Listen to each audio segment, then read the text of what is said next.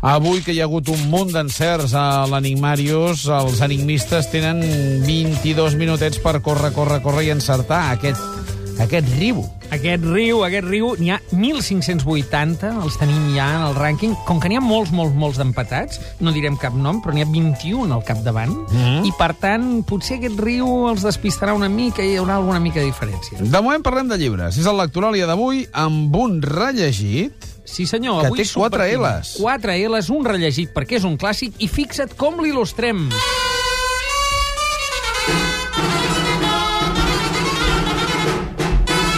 Ja sona la gralla. Sí, senyor. I van pujant els castells. El toc de castells és per il·lustrar Vilaniu. Avui, en relació amb l'enigmàrius d'aquest matí, la resposta al qual era Candela. Sí, Òbviament. saludem a totes les candeles. Saludem a les candeles, candelàries, candeleres, eh, Vilaniu de Narcís Uller en l'edició de Cossetània, eh, que és la més eh, propera, podem trobar, és una novel·la de referència. Vilaniu és Valls, i eh, a Vilaniu hi ha les descripcions més acurades del fenomen casteller. És una novel·la, una novel·la de 1886, és a dir, fa més de 100 anys, però amb una eh, vivacitat extrema, amb unes grandíssimes descripcions. La figura de Narcís Uller avui és un molt bon dia per reivindicar-la, perquè Narcís Uller va ser un crac, diguem, de la novel·la europea. Va connectar eh, la literatura catalana amb la literatura del moment. Emil Zola el va prologar en la traducció francesa, era interlocutor directe doncs, d'autors com Benito Pérez Galdós, etc probablement algú li sonaran novel·les com La febre d'or, La papallona, Les canyapobres, La bogeria o Pilar Prim, sobretot tots els que han estat escolaritzats i obligats per la, pel sistema educatiu a llegir-se-la. Vilaniu és una de les primeres novel·les, de fet és la tercera, i desplega un conte previ, Isabel de Galceran, que ja havia publicat. La gràcia de Vilaniu és que recrea la vila, la vila provinciana i una vida, diguem, eh, eh, crítica, amb una visió crítica del que era en aquells moments, eh, en comptes d'un, diguem, món de pau, un món com niu, eh, tal com diu el seu nom, però d'enveges en aquest cas, de manera que és eh, un culebró. Jo estic convençut que avui en dia Narcís Uller seria guionista.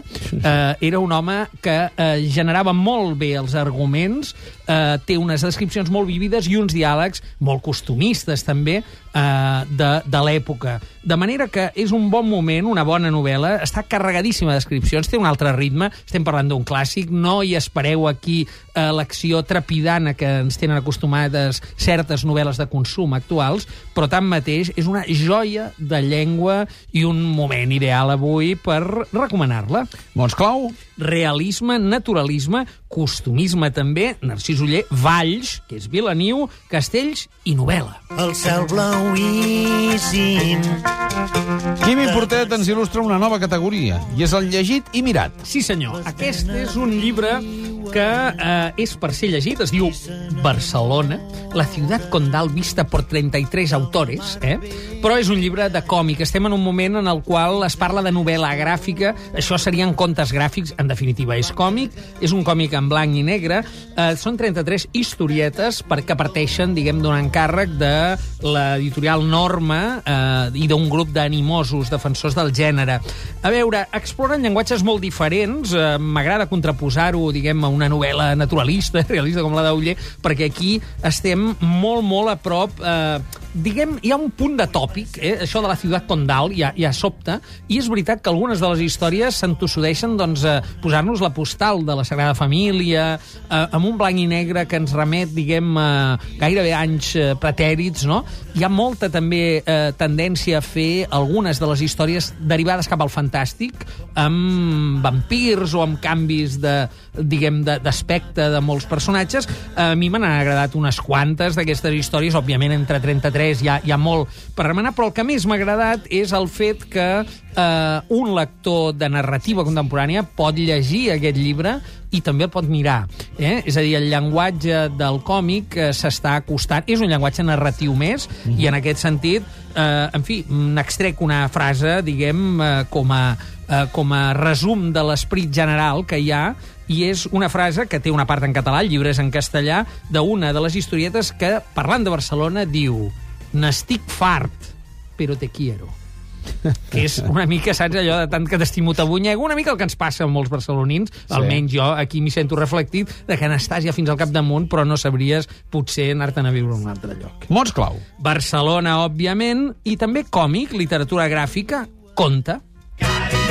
Ay, María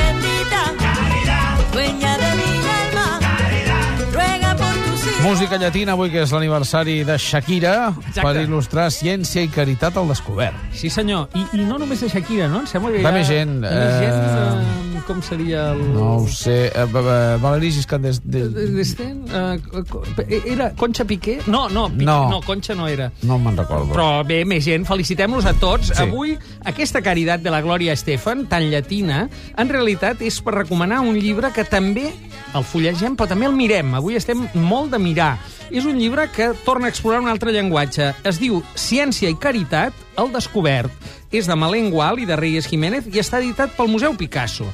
Ara bé, a mi el que m'interessa moltíssim és que això és un estudi aprofundit d'una pintura que tenim aquí, que pots veure, podem veure tots, que és la Caritat de Picasso, que és un dels estudis acadèmics Ostres, que es que diu bo. Ciència i Caritat. És 1897, per tant, És un quadre que està multicopiat a moltes consultes de metge. Sí, certa, és un clàssic eh, que aquí és estudiat al detall, és eh, coetani del Narcís Uller, obríem en Vilaniu, ens anem a Picasso, llenguatges diferents de la mateixa època, no?